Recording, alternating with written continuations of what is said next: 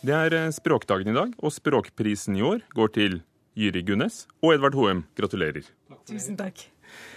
Jyri Gunnes, teolog og forfatter. Hva er godt språk? Det må være at man eh, forsøker å si noe nytt. At man forsøker å si noe som kommer fra hjertet, og at man forsøker å formulere seg så presist som det er eh, riktig å gjøre i den konteksten. Når du Edvard Hoem, har arbeidet med språket hele livet, har ditt syn på godt språk forandret seg? Det kan vel hende. Jeg har fått større respekt for um, begge sidene av saka, nemlig refleksjonen og det spontane. Det er noe med at når du er inne i driven i en fortelling, så må du, må du, bare kjøre på. Men det fritar deg ikke fra i andre sekvenser å være veldig grundig og etterrettelig. Så det er noe med det rytmiske der som kanskje er en liten løgndom for de som skriver. da, at vi, vi, vet at vi består av flere sånne sider. Som en, som en, når vi marsjer av gårde, så er det, er det forskjellige sekvenser i det vi gjør. Og det, det er en slags rytmikk i, i fortellinga eller i, i, i, språket som vi må lytte til og prøve å overføre til leseren. Det er Språkrådet som deler ut prisen. De har gjort det i denne formen siden 2007. Den er på 50 000 kroner eh, til hver av dere, altså. Et trykk av Kjell Nupen. Eh, Jyri Gunnes, eh, du får den for bokmål, bokmålet, for det er en for nynorsk, en for bokmål.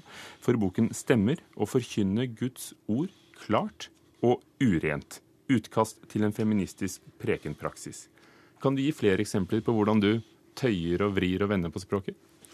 Ja, altså jeg, jeg, jobber med språk primært innenfor det som er min kontekst, nemlig det religiøse språket. Um, og der er jeg opptatt av, altså Noe som jeg, som jeg er særlig opptatt av, er på hvilken måte det religiøse språket er veldig formet av at vi står i en, i en patriarkalsk tradisjon, og at vi ikke har hatt en tradisjon for å kunne f.eks. omtale Gud som, som, som kvinne. Eh, og, og, og, hvordan det på en måte former våre gudsbilder, og hvordan det former språket vårt om, eh, om Gud. Så jeg tenker at jeg prøver å Eh, ta inn andre metaforer, andre, andre, ord, andre praksiser, og se hva det hva, hva, skjer da med forestillingen om hva det er å være menneske, eh, hva som er det gode, og, og hvordan eh, og, og, hvem Gud er, rett og slett. Har Gud kjønn? Gud er hevet over kjønn, tenker jeg. Men Da er det vel like feil å omtale Gud som kvinne som en som mann? Nei, det er, nei fordi språket vårt er kjønnet. og alle som vi forholder oss til som subjekter i verden, er, er, har kjønn. Så Derfor så tenker jeg at når, når, når Gud på en måte er en del av språket vårt, da, og, og, og, er noe som på en måte bare kan, som vi kan forholde oss til gjennom språket, så må vi også kunne bruke eh, hun om Gud. Og jeg tenker at Det at vi ikke har kunnet gjort det, er, er, et uttrykk for den diskrimineringen som kvinner har vært utsatt for, bl.a. I, i, i kirka. Og kirka er med på å bidra til eh, å gjøre kvinner til andre kjønn ved å ikke kunne gjøre altså La det være like selvfølgelig å kunne si Gud som mor, som Gud som far om, eh, om, om Gud. Hvordan omtaler du Gud, Edvard Hoem? For du har jo også gjort det. Jeg er vel åpen for at hun kan ha flere kjønn. Men eh, det må jo tilstå at det, vanlige det er jo at det da tiltaler han som han. Ja, Men eh, jeg har støtt på problemstillinga av og til. Jeg skrev en salme for en organist i Minneapolis. og Han sa det var, jeg kunne skrive det jeg ville, men hvis at Gud var han, så kunne jeg bare glemme hele oppdraget. Han var veldig opptatt av det aspektet der, og jeg er veldig interessert i det som Jyri driver med her, men jeg var ikke klar over at hun skulle få prisen, så nå er jeg litt tatt på senga at jeg ikke har lest boka. hennes. Hvis Gud også er ord, eller vårt bilde av en gud er skapt av mm, mm. ord, trenger vi da pronomenet 'hen', som ble foreslått i en debatt her i Kulturnytt i forrige uke, og flere andre ganger, og som man begynte å bruke i Sverige, nemlig ikke hun, ikke han, men mm. 'hen'? Mm. Ja, det, det, er jo en stor debatt, og jeg skal ikke konkludere noe, noe bombastisk i, i, den saken. Eh, det kan godt være at, at, hen også er en naturlig del av både det på en måte vanlige sekulære språket og også vil bli en del av det, av det religiøse språket. Men jeg tenker nok likevel at eh, man kommer jo ikke unna av at liksom kvantitativt sett så opplever jo veldig mange mennesker at de er enten hun eller han. Så jeg tror at vi kommer ikke utenom å si hun eller han om både mennesker og om Gud. Edvard Hoem, du får da Nynorskprisen for eh, din firebindsbiografi om eh, Bjørnstjerne Bjørnson, en mann som offentlig erklærte seg som en sterk motstander av landsmålet. Eh, hvilken effekt har det for deg som skriver, og for oss som leser, at du skriver om dikterhøvdingen Bjørnson på nynorsk? For meg var det aldri aktuelt å skrive om Bjørnson på et språk som ikke er fortrolig med, eller som ikke er like fortrolig med, eller mitt hovedspråk. Det regner jeg med, men, men, men eh, likevel så blir det jo en kontrast. Ja, da, men det, det, var veldig uproblematisk for meg. For det som er så fantastisk med Bjørnson, han er så himmelropende usaklig i sin uh, antilandsmålsagitasjon.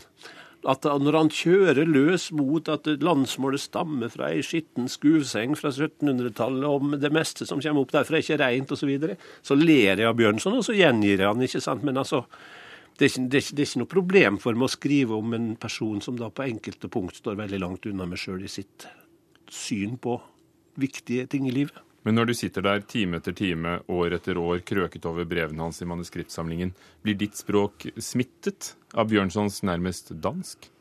Nei, det skjer ikke tvert imot. For at det blir brudd i teksten der hans, når hans sitat, og det som han har sagt, det blir, blir, gjengitt på en måte. Og den løpende teksten som er mye fortelling om dette, er et annet språk. det. Men jeg kjenner jo at det blir løfta, og det skal Bjørnson ha, at han innimellom i sin lyrikk særlig, og i brevskrivinga, en fantastisk språkmester, der det bare bobler over og triller ut. Fantastisk dansk-norsk. Men samtidig er jo nettopp Bjørnson eksempelet og, og symptomet på hvorfor på hvordan vi takket være språkpolitikken og den store politikken, at vi i Norge har et dagligspråk i dag som er så fjernt fra det vi hadde for 100 og 200 år siden, i motsetning til andre land, dansk og Tyskland, hvor de er mye nærmere. Er ikke det synd at de på en måte språklig sett er seiler, vi seiler fra dem mye fortere enn andre språk seiler fra sine forfattere? Det kan vel hende at det har problematiske sider, men eh, dette tror jeg veldig lite vi kan gjøre noe med. Altså Språkutvikling det gir seg ut ifra det som skjer hele veien. Og Bjørnson hadde jo stor betydning for å stanse landsmorsrørsla så den ikke tok over hele landet. Han var kanskje en helt avgjørende person for at, eh, at bokmålet har en så sterk stilling som det har i dag. Og det dette historiske faktum må vi leve med. og jeg tror I litteraturen, og på, i på, på, på litteraturens område, så er dette bare en styrke.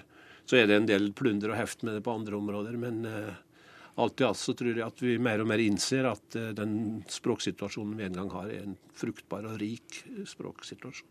Dere har fått Språkprisen for det dere har skrevet, men Jyri Gunnes, når når du også snakker, og, og, og kanskje nettopp uh, snakker om Gud, har du da også provosert? Ja, altså jeg får jo eh, prisen for en eh, pamflett som er skrevet i stemmerserien til Aschehoug i forbindelse med kvinners 100 eh, år med kvinnelig stemmerett. Og det er jo i stor grad prekener jeg har skrevet, så det er jo ting, ting som jeg har sagt. Får du reaksjoner da i, i salen, holdt jeg på å si? I kirken? Eh, ja, altså jeg har, de, de, aller fleste reaksjonene er jo positive. ikke sant? For jeg tenker at mine, mine, mine prekener prøver å være intellektuelt etterrettelige. Prøver å, jeg prøver å renske dem for kristelige klisjeer som jeg syns ikke gir mening i mitt eget liv.